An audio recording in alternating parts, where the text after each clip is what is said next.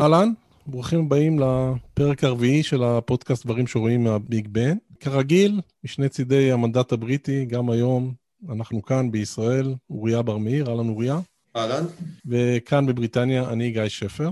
עכשיו, אנחנו יודעים שהבטחנו לדבר על uh, כל מיני עניינים חוקתיים ומבנים שלטוניים בבריטניה, אבל uh, ברגע האחרון החלטנו שבעקבות הכניסה לתפקיד של ג'ו ביידן וקמלה האריס בארצות הברית, אנחנו נקדיש את הפרק היום ליחסים בין ארצות הברית לבריטניה, שלפחות הבריטים אוהבים לכנות אותם היחסים המיוחדים, ועל ההיסטוריה שלהם ועל uh, איפה הם עומדים היום ומה צופן העתיד, ולצורך כך אנחנו גם מארחים בחלק השני של הפודקאסט, האורח הראשון בתולדות הפודקאסט, עידו טמבין. ובפרק הבא אנחנו נחזור ונדבר באמת על המבנה השלטוני החוקתי של בריטניה. אז בתור התחלה אני רוצה לשים כאן קטע מוזיקלי קצר ואולי מפתיע, ואני מיד אסביר למה.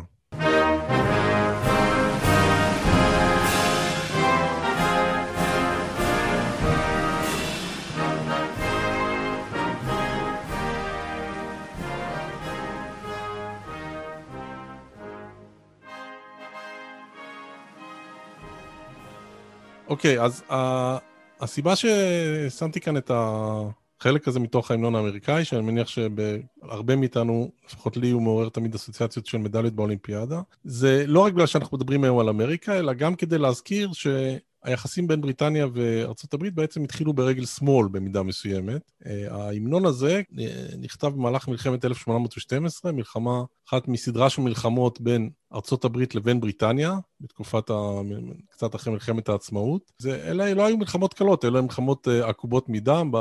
השיר הזה נכתב במסגרת הקרבות על בולטימור, קצת אחרי שהבריטים כבשו את וושינגטון די.סי. הגיעו לבית הלבן ולגבעת הקפיטול ושרפו את כל העיר. אגב, אה, הזכירו את זה בשבועות האחרונים עם ההסתערות של החבר'ה של טראמפ על הקפיטול, שהפעם האחרונה שמישהו הסתער וכבש את גבעת הקפיטול היו באמת הבריטים. הם עשו את זה ב-1812, כאמור שרפו אחר כך את כל העיר, ובקרב שהם, שלהם על, על בולטימור, מי שכתב את ההמנון, אה, היה דווקא על אונייה, הוא היה אמריקאי, שהיה על אונייה בריטית, ובבוקר אחרי כל ההפגזות על בולטימור, על אחד המבצרים שם, הוא ראה שהדגל אה, עדיין, האמריקאי עדיין מתנפנף. מנפנף, וזה עורר בו רגשי פטריוטיות לאומיים, והוא כתב את uh, השיר הזה.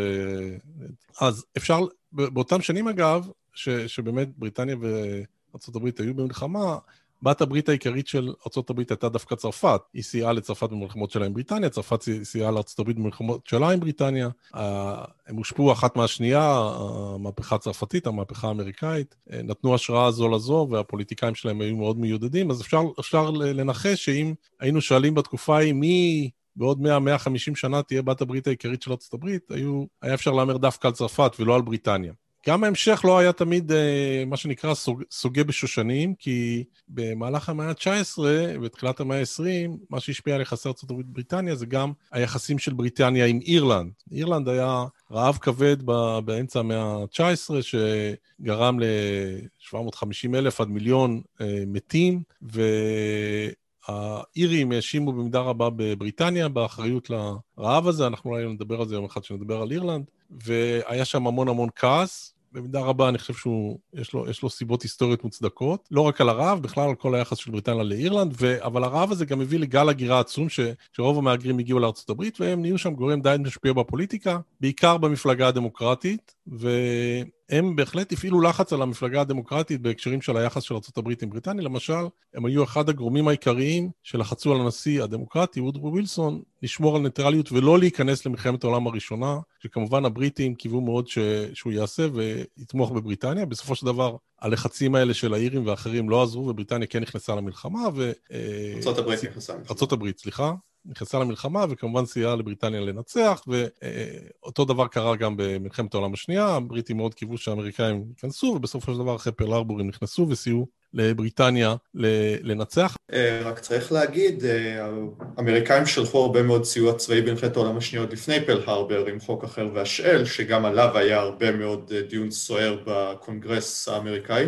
נכון. באופן כללי, בלי הסיוע האמריקאי, אפילו של, לא רק של נשק, אפילו של אוכל, בריטניה, שהייתה בעצם במצור, עם, מול אירופה, לא בטוח שהייתה מחזיקה מעמד במלחמה הזאת. זאת אומרת, הייתה, היו כל הזמן, אחד בעצם הקרבות הגדולים של המלחמה היה לשמר את האוקיינוס האטלנטי פתוח עד כמה שאפשר, כשהגרמנים ניסו עם צוללות ועם טורפדו כל הזמן לפגוע באוניות, כי באמת בריטניה הייתה תלויה לחלוטין באספקה האמריקאית, גם של נשק וגם של, של מזון. אבל אני, אני רוצה...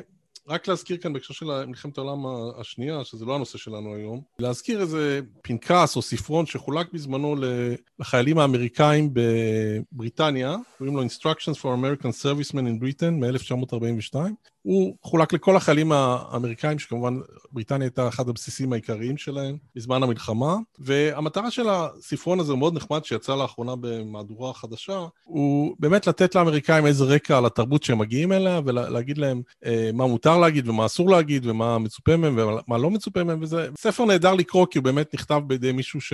או מישהי ש...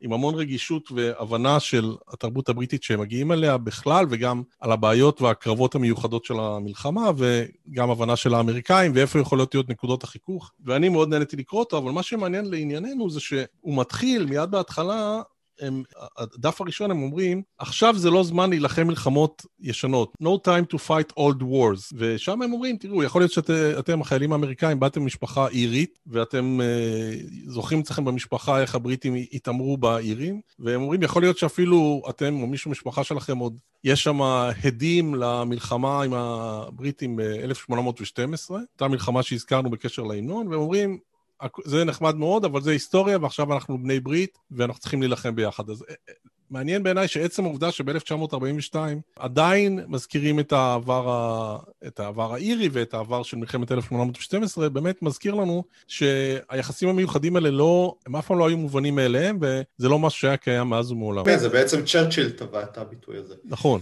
ו... ובאמת נתבע, כמו שאתה אומר, על ידי צ'רצ'יל בסוף מלחמת העולם השנייה. ואפשר לומר שמלחמת העולם השנייה, היחסים האלה באמת הגיעו לשיא, והם סיימו את המלחמה שכם אל שכם כשתי המעצמות המובילות של בעלות הברית. כמובן, גם רוסיה הייתה שם, אבל רוסיה היה ברור כל, כל העת, וכמובן גם אחרי המלחמה, שזה ברית רק למטרה ספציפית של המלחמה בנאצים, ואחרי המלחמה נוצר אותו מסך ברזל, שנדמה לי שגם אותו, זה גם מונח שצ'רצ'יל טבע, ובצידו האחד, בריטניה וארצות הברית היו בנות ברית מובהקות. אבל אם אני קופץ קדימה, שמו, בסך הכל שמונה שנים, 1956, אה, אנחנו מגיעים בעמדה רבה מנקודת השפל, מנקודת השיא של מלחמת העולם השנייה לנקודת השפל. עכשיו, 56, אני מדבר על מה שמכירים בישראל בתור מבצע סיני או מבצע קדש, כאן בבריטניה זה ידוע בתור משבר הסואץ, כבר השינוי בשמות מראה משהו, אני חושב, על השינוי בתפיסה של, ה,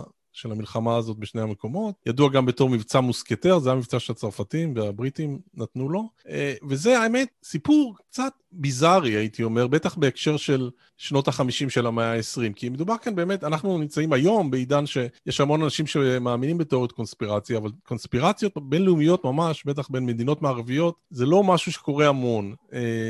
זה משהו שנשמע לנו יותר המאה ה-19, או אולי תחילת המאה ה-20. ובשנות ה-50 זה באמת, כשאתה מסתכל על זה, וזה משהו שלא כל כך הסכימו בישראל, כי בישראל מדברים על מלחמת סיני בתור מה שלישראלים היו, היו סיבות uh, עצמאיות לצאת, לצאת אליו, אז, אז פחות מעסיק את האנשים, העובדה שבאמת זה היה חלק מקונספירציה בינלאומית, אבל זה מה שהיה. הבריטים, הצרפתים ובן גוריון ועוד כמה ישראלים התכנסו באיזה וילה סודית בצרפת, ושם מה שהוחלט זה שבגלל שהבריטים והצרפתים היו, כעסו על זה שבריטניה הלאימה את תעלת סואץ, ורצו גם את השליטה וגם את הכסף, את, את המשאבים הכלכליים שמתלווים לכך, הם החליטו ליצור פרובוקציה, הם אמרו, ישראל תתקיף ותכבוש את סיני, המצרים מן הסתם יגיבו, ואז אנחנו נגיד, טוב, חייבים לשמור על השיט בתעלה חופשי, ואנחנו נכבוש את אה, תעלת סואץ, כי נגיד אנחנו שומרים על, אה, על שלום האזור. זה בעצם מה שקרה, זאת אומרת, אה, בשלבים הראשונים קונספירציה הזאת הצליחה, ישראל כבשה את סיני, המצרים הגיבו, הצרפתים והבריטים מיהרו לכבוש את תעלת סואץ ואת האזור, אבל כאן חלה התפנית, והתפנית הגיעה כשבאמת גם ארצות הברית וגם ברית המועצות דאז אמרו, חבר'ה, אנחנו לא במאה ה-19, אתם לא מקובל עלינו, ועכשיו אתם כולם תתפנו אחורה. ואם ישראל, אומנם היו שם קצת מחאות, אבל קיבלו את זה בסך הכל די בהבנה שאנחנו מדינה קטנה ואנחנו עושים מה שארצות הברית אומרת לנו. בבריטניה זה היה אקט מאוד משפיל, כי בכל זאת זה שתי מדינות שעד עכשיו נלחמו ביחד, ופתאום ברור לכולם מי כאן המדינה שנותנת הוראות למי, והבריטים היו צריכים באמת לקפל את הזנב ולעזוב את הסואץ ולהחזיר אותה למצרים בעצם. זו הייתה נקודת שפל מאוד מאוד אה, רצינית. עכשיו, אם הזכרתי את המאה ה-19, אבל אז, אז אנחנו יודעים שאז היו פותרים בשברים מהסוג הזה באמצעות כל מיני חיתונים וניסויים אה, בינלאומיים, ואם אני מבין נכון, אורי, תקן אותי אם אני טועה, גם לשיפור של היחסים אחרי 56 עם האמריקאים היה, היו מעורבים בו איזה שהם קשרי משפחה. נכון, בעצם אה, אחרי משבר סואץ, ראש הממשלה דאז אנטוני אידן מתפטר, במקומו נכנס הרולד מקמילן לדאונינג עשר, וב-1961, אחרי הניצחון בבחירות 1960, נכנס לבית הלבן ג'ון קנדי במקום דווייט אייזנהאואר. ומקמילן וקנדי יש בהם איזה קרבת משפחה, אתה יודע, קרובה רחוקה, אבל היא מספיקה כדי ליצור איזה שהם אה, קשרי ידידות חמים בין השניים. ורוב השיתוף פעולה ביניהם הוא על, אה, בנושאי ביטחון וגרעין שמאוד העסיקו אותם באותה תקופה. מספרים שכשפורץ משבר הטילים בקובה, במפרץ החזירים, אז אחד מהאנשים שקנדי מתקשר אליהם כדי להיוועץ היה מקמילן. אז אתה רואה באמת שהיה אה, באמת קשר מיוחד בין השניים, ששוב מתקרר אה, באמצע שנות ה-60 עם ההגעה של אה, לינדון ג'ונסון ב-1963 והרולד ווילסון ב-1964 בבריטניה, שהם לא הכי הסתדרו, וכמו שאנחנו באמת נראה, אה, הרבה מהיחסים המיוחדים האלה נשענים על היחסים האישיים בין ראש ממשלת בריטניה לבין הנשיא האמריקאי. אז אה, מה שקורה זה שהם לא מסתדרים מכמה סיבות. הראשונה היא ש... לינדון ג'ונסון לא ראה מה כל כך מיוחד ביחסים המיוחדים האלה. דבר שני זה שהם פשוט היו שני טיפוסים שונים. הרולד ווילסון היה אינטלקטואל מהשמאל עם גישה מאוד סוציאליסטית וגם, אתה יודע, מאוד בריטית מנומסת, ולינדון ג'ונסון היה טקסני גס רוח שנתן הוראות לתופרת של המכנסיים שלו להשאיר הרבה מקום לחבילה. אז אתה יכול להבין את הפערים בין השניים. ונדמה לי שהפערים האלה גם, אפשר לראות אותם בסדרה כתר, אני לא יודע כמה היסטורית היא נכונה או לא, אבל ש, ששלחו לשם את uh, מרגרט, האחות של אליזבת, וחשבו שזה יהיה קטסטרופה, אבל דווקא, דווקא היותה מרדנית ופחות מצייתת לכללים וגינונים, התחברה לאופי הטקסני של ג'ונסון. והם נהיו חברים הכי טובים. יש, יש בזה אמת היסטורית? אה, כן, יש בזה אמת היסטורית, ולינדון ג'ונסון ציטט את מרק טוויין שאמר שהמלאכים מדברים אנגלית במבטא זר, כלומר מבטא בריטי, אחרי הארוחה הזאת.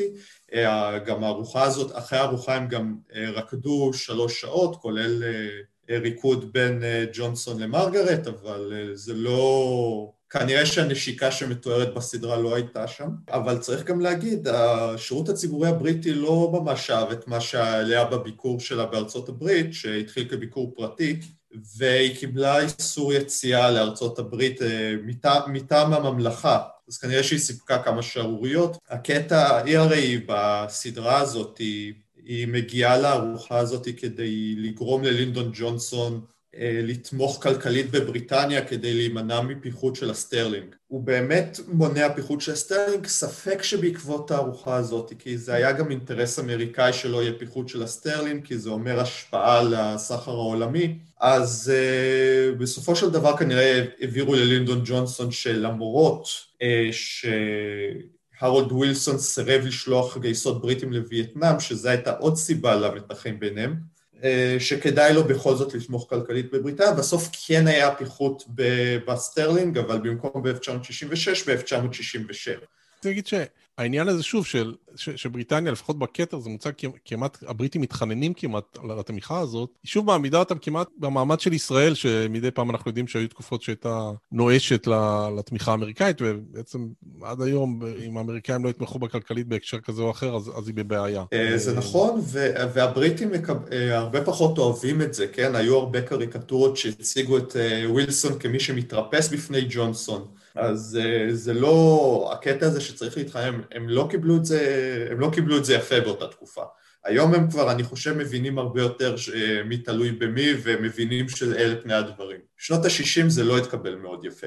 היחסים גם ממשיכים להיות קרירים אחרי שמגיעים המחליפים של ווילסון וג'ונסון, של אדוארד היט וריצ'רד ניקסון.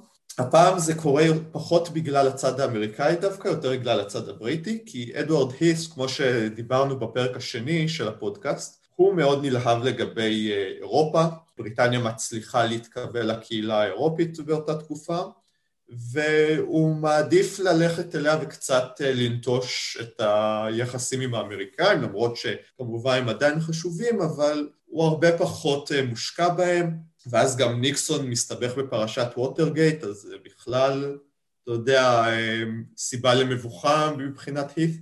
אז היחסים עדיין קרירים. מתי הם מתחממים עוד פעם? כשמגיעה אשת הברזל מרגרט תאצ'ר ב-1979.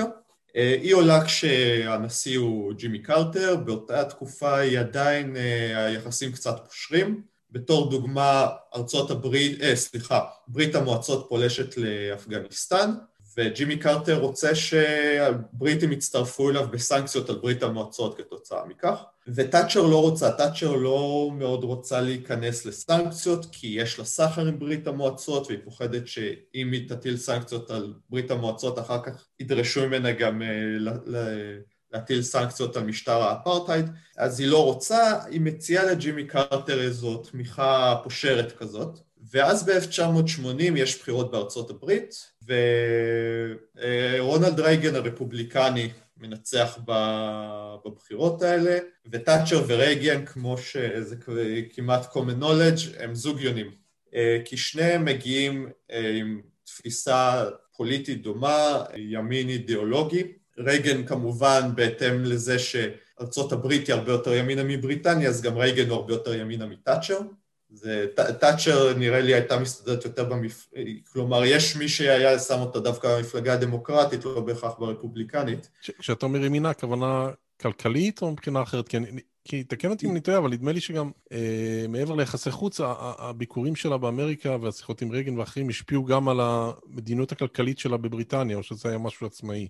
אה, זה היה משהו עצמאי, ובסופו של דבר, בזמן שרייגן הגדיל מאוד את הגירעון על... אה, על תקציב הביטחון בשביל מלחמת הכוכבים, אז תאצ'ר הייתה הרבה יותר אה, בקטע של אחריות פיקסלית, תקציב מרוסן, אז אה, אבל לצורך העניין היועצים של רייגן כשהוא רק נכנס הביתה לבן הם לא סמכו על תאצ'ר כי היא נראתה להם שמאלנית מדי.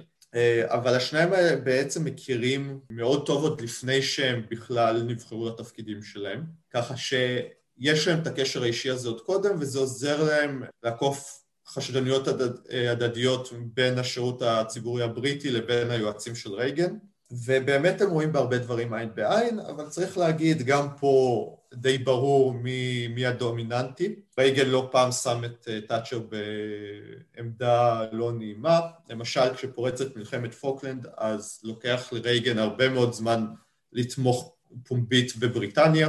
אה, ב-1983 יש פלישה אמריקאית לגרנדה שזו מדינה שהיא אמנם עצמאית אבל היא תחת הכתר הבריטי, אז זה שם את תאצ'ר בעמדה מאוד לא נוחה מול המלכה, אבל בסופו של דבר היא מחליקה את זה כי היא מבינה שאין לה ממש ברירה, וכמו את ווילסון, גם אותה הציגו כמתרפסת, יש אפילו מערכון של, של Spitting Image, האימא הרוחנית של החרצופים, שרואים אותה פשוט בתור כלבה שמלקקת לרייגן, מאוד, אין פה סאבטקסט. אבל כמו שאמרת, אה, הייתה גם לה השפעה, בעיקר במדיניות החוץ. היחסים שלה עם רייגן מאפשרים לה השפעה בבית הלבן, וזה עוזר לה לקחת חלק בעצם בסיום של המלחמה הקרה. אה, ב-1989 הגיעה הגבלת הקדנציות האמריקאית, במקום רייגן נכנס ג'ורג' בוש האב, שגם איתו לתאצ'ר יש יחסים מאוד טובים, כשמתחילים הניצנים של מלחמת המפרץ, אז היא כמובן מציעה לבוש תמיכה לא מסויגת, והיחסים הטובים האלה נשמרים גם כשבמקום תאצ'ר נכנס ג'ון מייג'ור לדאונינג 10, אה, שהוא מציע לבוש האב סיוע צבאי בעיראק בלי להתייעץ אפילו בקבינט קודם, והיחסים שוב פעם קצת מתקררים כשביל קלינטון מנצח בבחירות ב-1992. זה כבר מתחיל בחשדנות הדדית, כי עולות האשמות שמשרד הפנים הבריטי, שגם אחראי על ה-MI5, שירות הביון הפנימי שלהם, להשיג מידע לא מחמיא על קלינטון כדי לתת לבוש האב, אז אתה יכול לנחש שקלינטון לא רואה את זה בעין יפה. אחד היועצים של קלינטון אפילו טוען שמייג'ור היה מעורב בזה אישית, מייג'ור מכחיש עד היום. אנחנו אבל... יודעים משהו בדיעבד, אם היה לזה איזה בסיס היסטורי או... אני לא, לא מכיר שנמצא איזשהו אקדח מעשן, אה, אבל אתה יודע, אנחנו, אנחנו עוד שנה בעצם נהיה 30 שנה מ... מאותה, מאותה מערכת בחירות ו, ומתחילים לחשוף בעצם את המסמכים, אז יכול להיות שבשנתיים שלוש הקרובות אז ייחשף על זה יותר. נכון לעכשיו ג'ון מייג'ור מכחיש את העניין הזה, אבל אתה יודע, כשיש לך חשדנות הדדית זה לא... זה אף פעם לא מועיל, היחסים האלה. אבל מצד שני גם בריטניה ידעה להיעלב ביחסים בין השניים. הדוגמה הכי בולטת היא כשביל קלינטון נותן לג'רי אדמס, מנהיג השין פיין שאחראית להרבה מאוד פיגועי טרור בצפון אירלנד באותה תקופה, לא רק ויזת כניסה לארצות הברית, אלא גם הוא מארח אותו בבית הלבן, וקלינטון בעצם מספר שבמשך שבועות ג'ון מייג'ור סירב לקבל ממנו שיחות.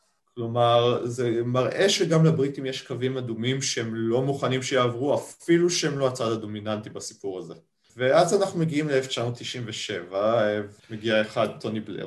כן, אז uh, טוני בלר הוא באמת דמות מאוד מעניינת מבחינת היחסים עם ארה"ב, כי במידה רבה המורשת שלו והדרך שבה הוא נזכר לפחות היום, מאוד מושפעת מההתעקשות שלו לשמר את היחסים עם האמריקאים, וכמובן בעיקר להצטרף לבוש, ב, למלחמה בעיראק עם בוש, אבל לפני בוש, באמת כש, כשטוני בלר נכנס לתפקיד ב-97, זו הייתה הקדנציה השנייה של ביל קלינטון, והם באמת נהיו די מהר לסוג של כזה צמד חמד, כי הם, קודם כל שניהם הצד השמאלי, אמנם הדמוקרטים בארצות הברית זה אולי כמו הקונסרבטיבים בבריטניה, אבל בכל זאת זה לא מנהיג רפובליקאי ומישהו מהלייבור, הם, הם בכל זאת בצד היותר ליברלי של המפה בשתי המדינות, ושניהם גם צעירים וקולים יחסית, ו, וזה מנגן בסקסופון, ובלר היה פעם איזה, להקת רוק, והם קצת נערי הפוסטר של הדור הצעיר של הפוליטיקה העולמית, ואחד ההישגים שמג... ש... שרשום על שמם במידה רבה זה באמת הסכם יום שישי הטוב שמושג באירלנד ב-1998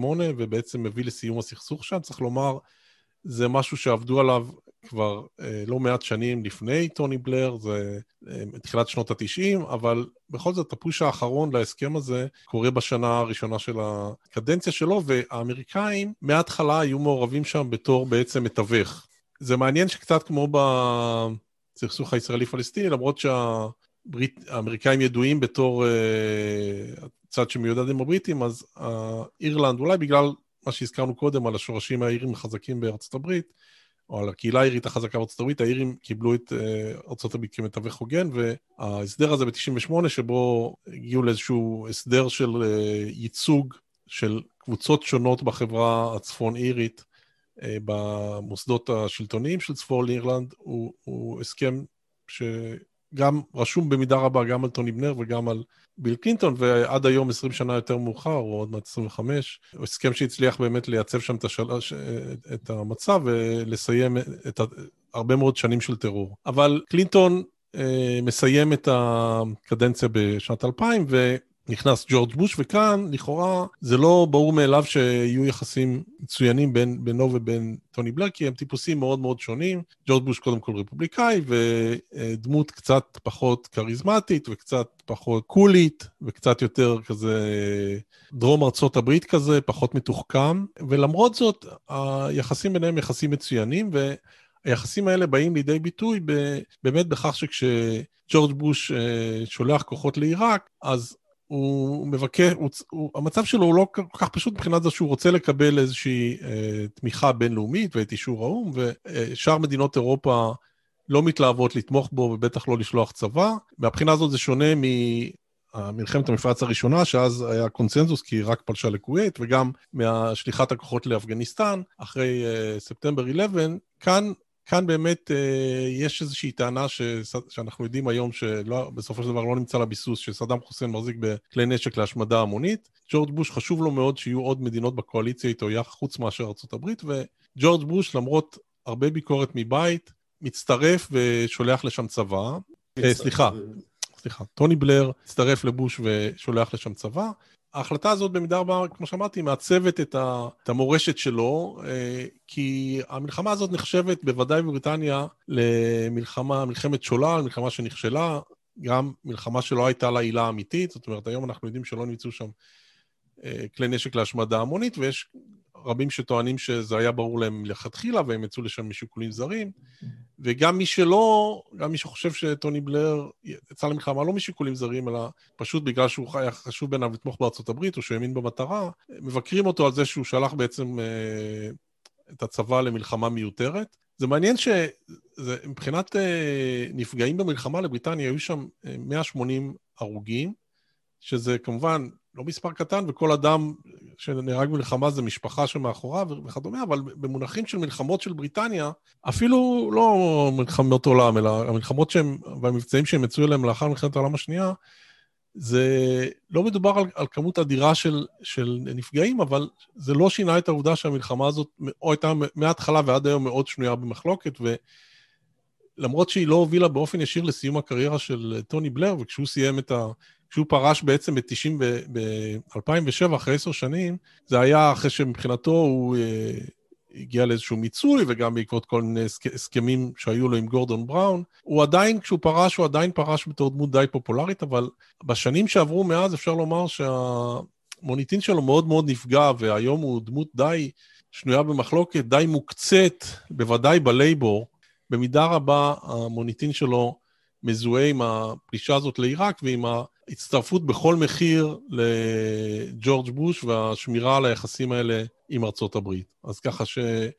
מבח... זה, זה איזה רגע ש, שבו נוצר פער בין מצד אחד היחסים בין ארצות הברית לבריטניה החיצוניים, הם, הם במצב מצוין, ויש כאן שיתוף פעולה, אבל מבית זה, אה, זה, העובדה שהיחסים האלה במצב מצוין מאוד מאוד פוגע בו פוליטית. ואני חושב שזה יגרום לכך ש...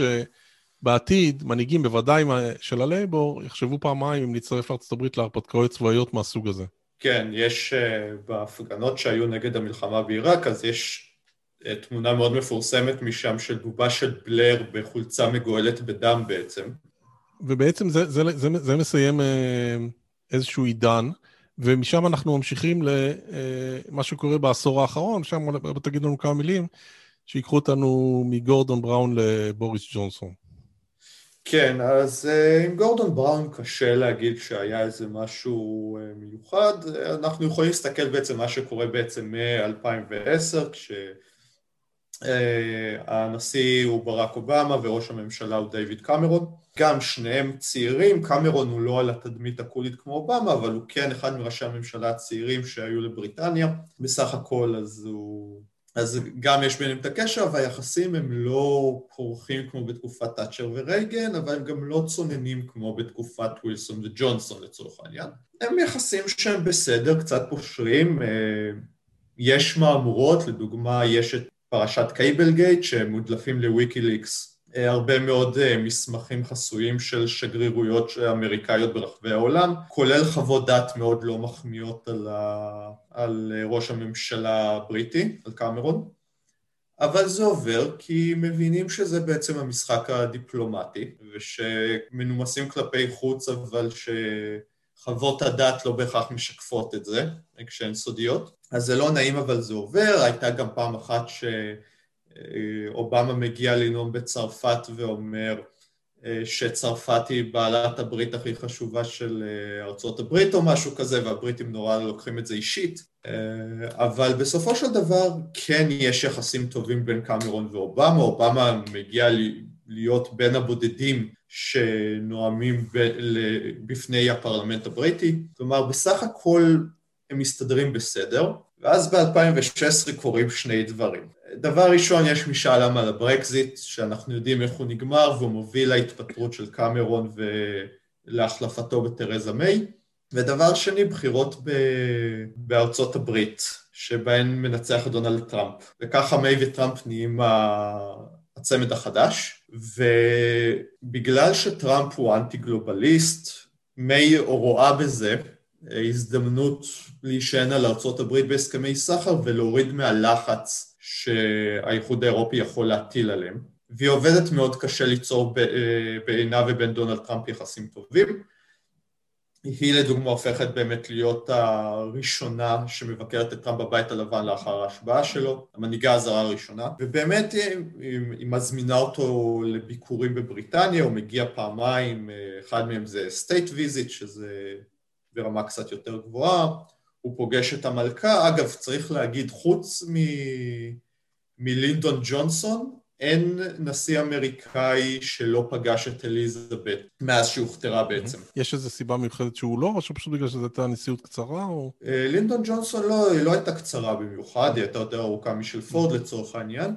אה, לא, זה פשוט כי הוא לא ממש אהב את הבריטים, והוא לא, לא ראה את זה כאיזה משהו שהוא צריך לעשות, הוא גם לא רצה את הגינונים האלה, אנחנו רואים את זה בכתר. טוב, אמרנו בעצם שהוא פגש את מרגרט, אז... כן. אז אה, אליזבת פגשה את כולם והוא פגש את מרגרט, אז יש... כולם, כולם פגשו מישהו מה royal family. נכון. אז טראמפ מגיע לביקורים, וגם גם את מיי בעצם מבקרים שהיא לא עומדת על הערכים של בריטניה כשהיא נותנת למישהו כמו טראמפ, שאומר לא פעם דברים שהם גזעניים או סקסיסטיים, או גם וגם. כן, לא... היו כאן אפילו כמה הפגנות, אני מודה.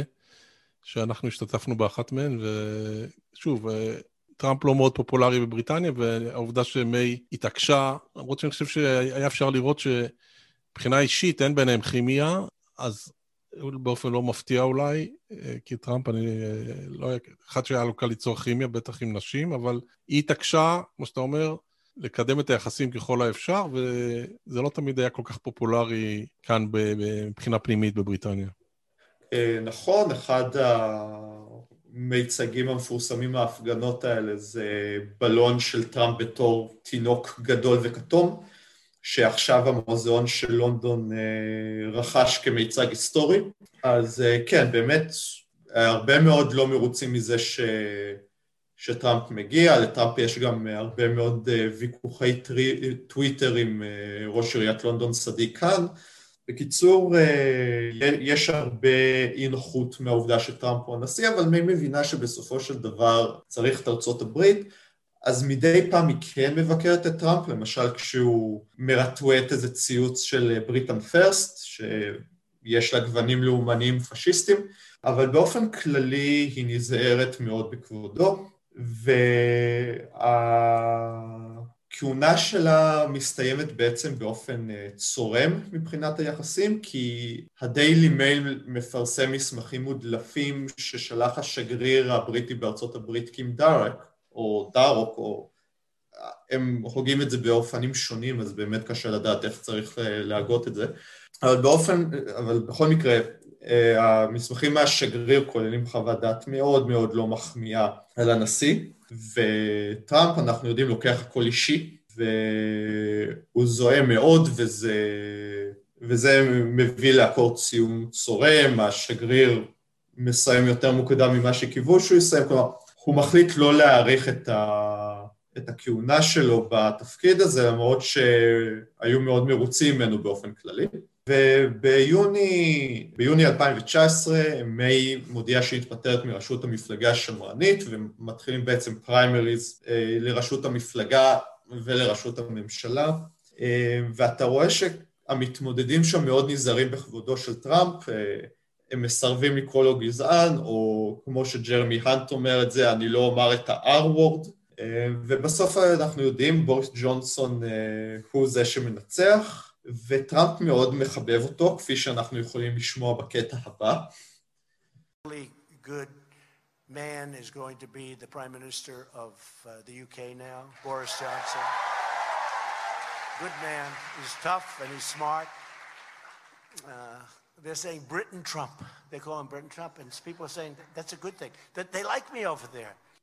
אז כן, אז טראמפ קורא לג'ונסון בריטן טראמפ, הוא בטוח שהם מאוד דומים. אני חושב, אני לא בטוח שג'ונסון אה, באמת באופן אישי, עזוב פוליטי, באופן אישי מרוצה מההשוואה הזאת, כי נכון שהם נראים דומה, ונכון שהם שניהם קצת אה, משולחי רסן כשהם מדברים, אבל בסופו של דבר ג'ונסון הוא לא טראמפ. כן אותי אם אני טועה, בתחילת הדרך כשבוריס היה ראש עיר, אז, אז היחסים ביניהם לא התחילו קצת ברגל שמאל. אה, התחילו מאוד ברגל שמאל, כי בעצם ב-2015, כשטראמפ הוא עדיין רק מתמודד בפריימריז הרפובליקנים, הוא אומר שיש בלונדון no-go zones בשכונות מוסלמיות אה, רדיקליות כביכול, וג'ונסון כראש העיר דאז מאוד לא אוהב את זה. no go, כאילו רק נגיד no go, כאילו הכוונה שהמשטרה לא נכנסת אליהם. כן, ו... וג'ונסון מאוד מתעצבן מזה, והוא אומר, הייתי מז... הוא אומר, הוא לא מתאים להיות הנשיא, אם ככה הוא מתנהג, והייתי מזמין אותו לביקור ב... בלונדון, אם לא הייתי חושש מהנזק שיגרם לתושבי לונדון מפגישה עם דונלד טראמפ.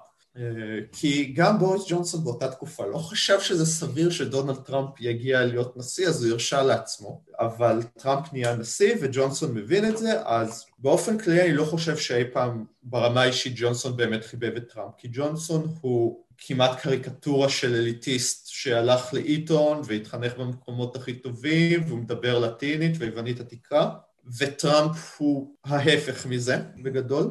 כלומר, הוא גם זכה לחינוך יוקרתי, אבל הוא לא, הוא לא אליטיסט בשום, בשום צורה. לא הופנם שום דבר מהחינוך הזה. בהחלט, וג'ונסון הוא גם אה, גלובליסט, בעצם כן, הוא מיד אחרי הברקזיט הוא אומר, אני רוצה לקדם סחר חופשי בעולם, בעצרת האו"ם האחרונה הוא אומר, העולם צריך ביחד לקבוע מדיניות גלובלית להתמודדות עם מגפות, כדי שלא יהיו 197 צורות שונות להתמודד עם מגפה, ו... וטראמפ הוא, הוא בדלן, הוא לא רוצה יותר מדי uh, מערכות גלובליות. לדעתי ג'ונסון מהבחינה הזאת אף פעם לא חיבב יותר מדי את טראמפ, אבל הוא מבין שהוא צריך את טראמפ, והוא מצליח להסתדר איתו. כאילו פומבית הוא אפילו, זה נשמע כאילו כמעט החבר הכי טוב שלו, אבל אתה אומר שזה יותר מהפה ולחוץ. ויותר כן. כדי לחזק את היחסים. זו דעתי האישית, כמו שאני רואה את הדברים. אנחנו גם רואים בעצם שברגע שביידן אה, מנצח, אז אה, ג'ונסון, אחרי שעתיים בערך, שולח, שעתיים אחרי שהוכרז הניצחון ברשתות, אה, ברשתות השידור האמריקאיות, ג'ונסון מצייץ שהוא מקווה לעבוד עם ביידן על האתגרים הגדולים, שזה משבר האקלים וסחר וקורונה וביטחון. כלומר, הוא כן רואה סיכוי להוציא מביידן דברים שהוא לא היה יכול להוציא מטראמפ. אוקיי, okay, עד כאן החלק הראשון, אנחנו עוברים לחלק השני.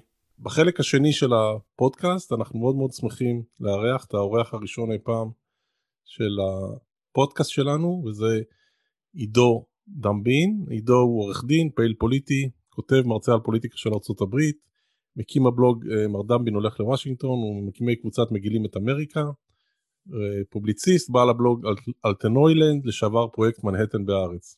דייקתי עידו, בוקר טוב. דייקת, אני מרגיש עכשיו בדיעבד שנתתי לך רשימת טייטלים נורא נורא ארוכה, אבל, אבל הכוונה הייתה טובה. אה, הרווחת את זה ביושר.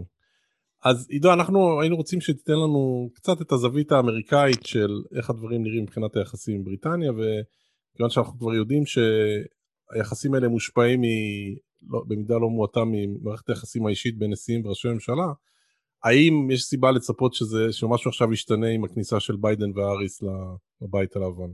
אמ, זו שאלה שמצריכה לדבר לפחות קצת כרקע על, ה, על באמת על בני האדם.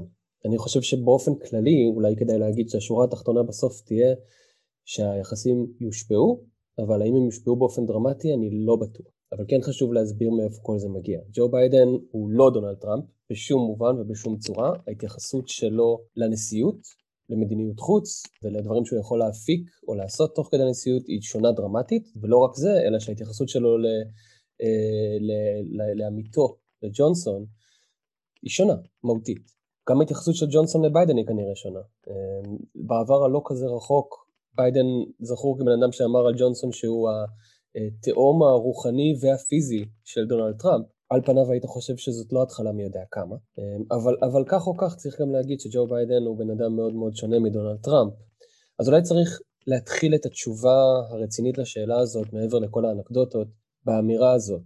ג'ו ביידן, בניגוד לטראמפ, הוא איש של יחסים בינלאומיים. הוא מגיע לתפקיד הזה בלי לזלזל בטראמפ, הנשיא היוצא, אבל הוא מגיע עם הרבה יותר הכשרה והכנה בעולם הבינלאומי. בן אדם כיהן בוועדת החוץ של הסנאט, שבו הוא היה חבר מזה שלושים וכמה שנים. לא רק כיהן בוועדה, הוא גם היה יו"ר הוועדה בראשית שנות האלפיים וקצת לפני נשיאות אובמה, ואחת הסיבות שהוא נבחר על ידי אובמה להיות סגנו, זה בדיוק הניסיון שלו ביחסי חוץ.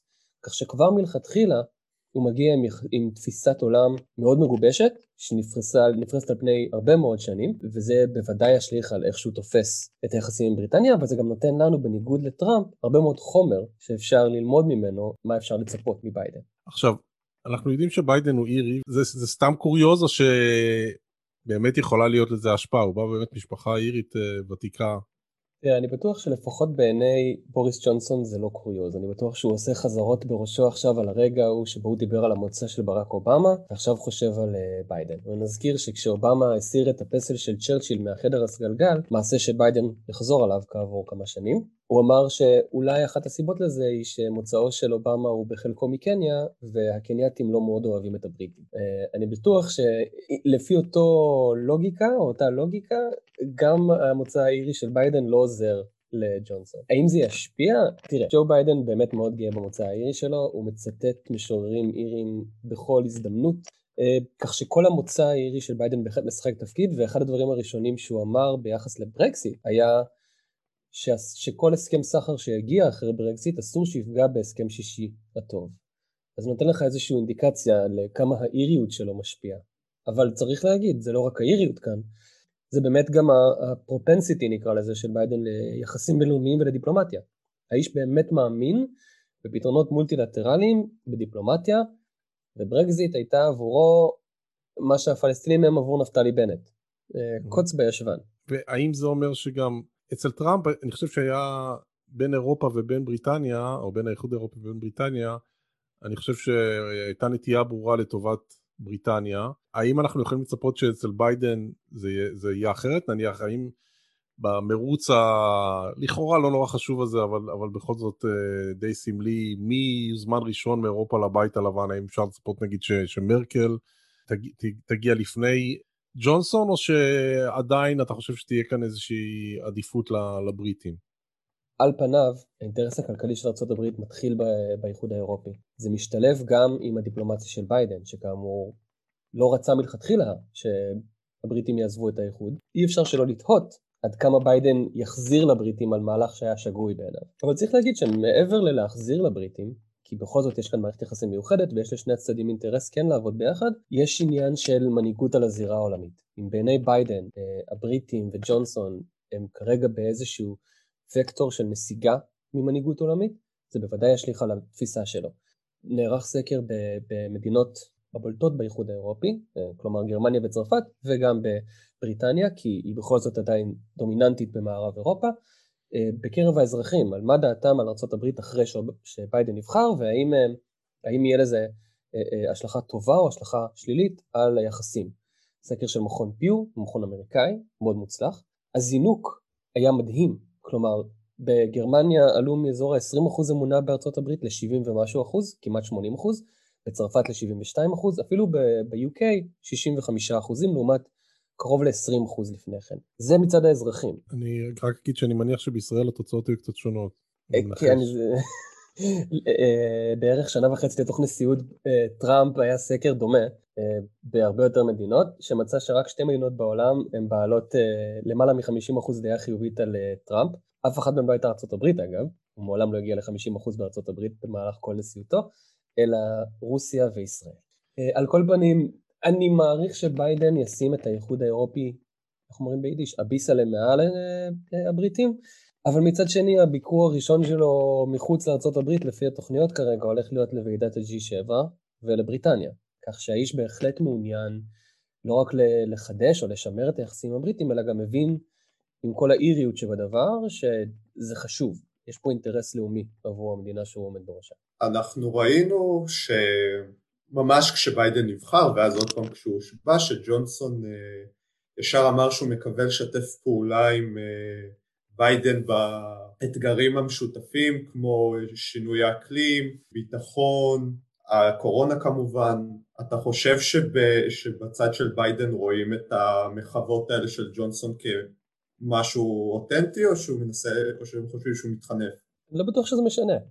כלומר, בייד, אתה יודע, יחסים בינלאומיים הם, הם הרבה מאוד show ו-pomp and circumstance, כמו שאומרים, אבל בוא נלך רגע כמה צעדים אחורה, ל-2017, כשטראמפ נכנס לתפקיד וראינו אנשים כמו ג'סטין טרודו או עמנואל מקרון בצרפת, אה, אני לא רוצה להגיד מתחנפים, אבל בוודאי אה, מנסים להיות נחמדים, כי הם מבינים שזה מנהיג המעצמה הגדולה בעולם, בעולם החופשי, ובין הברית הראשון במעלה שלהם, ואם זה אומר שצריך להזמין את uh, טראמפ למצעד 14 ז'וליה בצרפת, או אם זה אומר שצריך לעשות איתו תחרות לחיצת ידיים uh, ולשבת עם איוונקה, אז זה מה שזה אומר.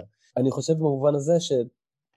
אתה יודע, מה שיאמר בחדרי חדרים בארבע עיניים, אה, והאם יהיו שם סיגרים מתגלגלים כן או לא, זו שאלה אחת, והיא בוודאי חשובה, ובכל זאת האמריקאים, בין אם הם חושבים שזה אותנטי ובין אם לא, הם מבינים דבר אחד. זה אומר מבחינתם שג'ונסון, עם כל חיבתו לטראמפ וכן הלאה, מבין שהיחסים עם ארה"ב הם דבר חשוב, שצריך לשמר, ואם זה אומר שצריך להכין פיץ' שיתחנף במרכאות, אז זה מה שזה אומר. וזה בסדר, זו דיפלומטיה.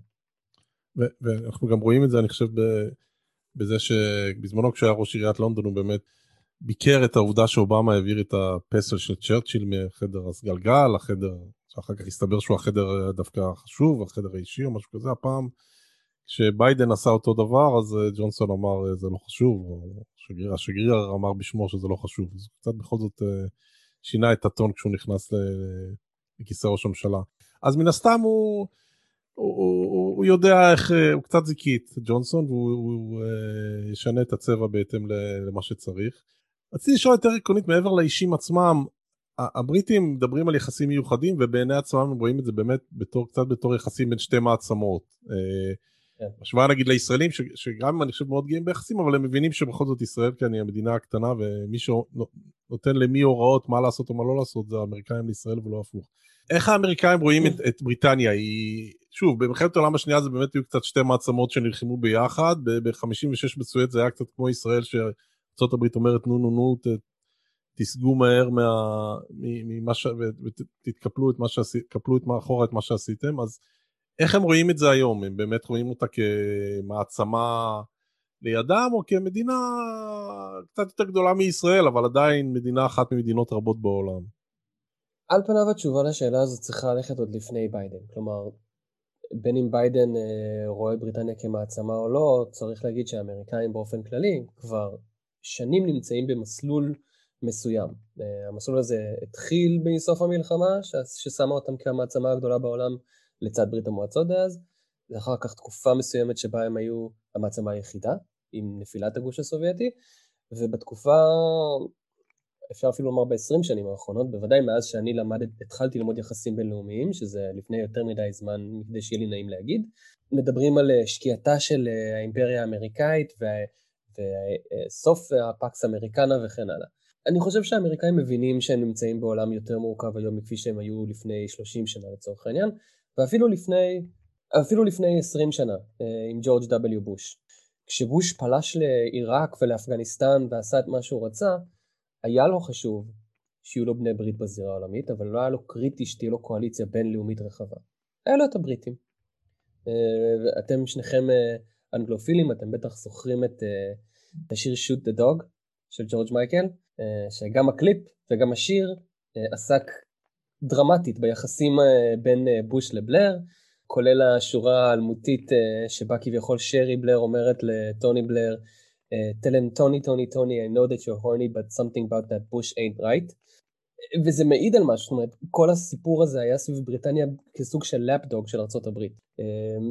התפיסה הזאת היא לא רק תפיסה של ג'ורג' מייקל, היא תפיסה שאני חושב שהרבה אמריקאים היום, בעידן שבו בריטניה היא כבר לא שחקן כזה גדול על הזירה העולמית מצד אחד, היא כבר לא האימפריה הגדולה, השמש כן שוקעת על האימפריה הבריטית מעת לעת, מצד שני, היא כן חברה קבועה במועצת הביטחון, היא כן כוח אה, גרעיני, עדיין יש לה השפעה דרמטית, והיא עדיין המדינה שממנה ארה"ב נולדה. ובכל זאת אני מניח שהאמריקאים בשלב זה תופסים את עצמם כישות החזקה יותר, זה לא ברית בין שווים. אני לא חושב שזו ברית בין ארה"ב לישראל, כלומר התלות הבריטית בארצות הברית היא משמעותית נמוכה יותר. אנחנו גם, אגב, האמריקאים לא מספקים לבריטים אה, אה, מיליארדים בסיוע ביטחוני, אבל בוודאי שזו לא מערכת יחסים שהם אה, על אותה, על אותה רמה. יש מספר אחד ויש מספר שתיים.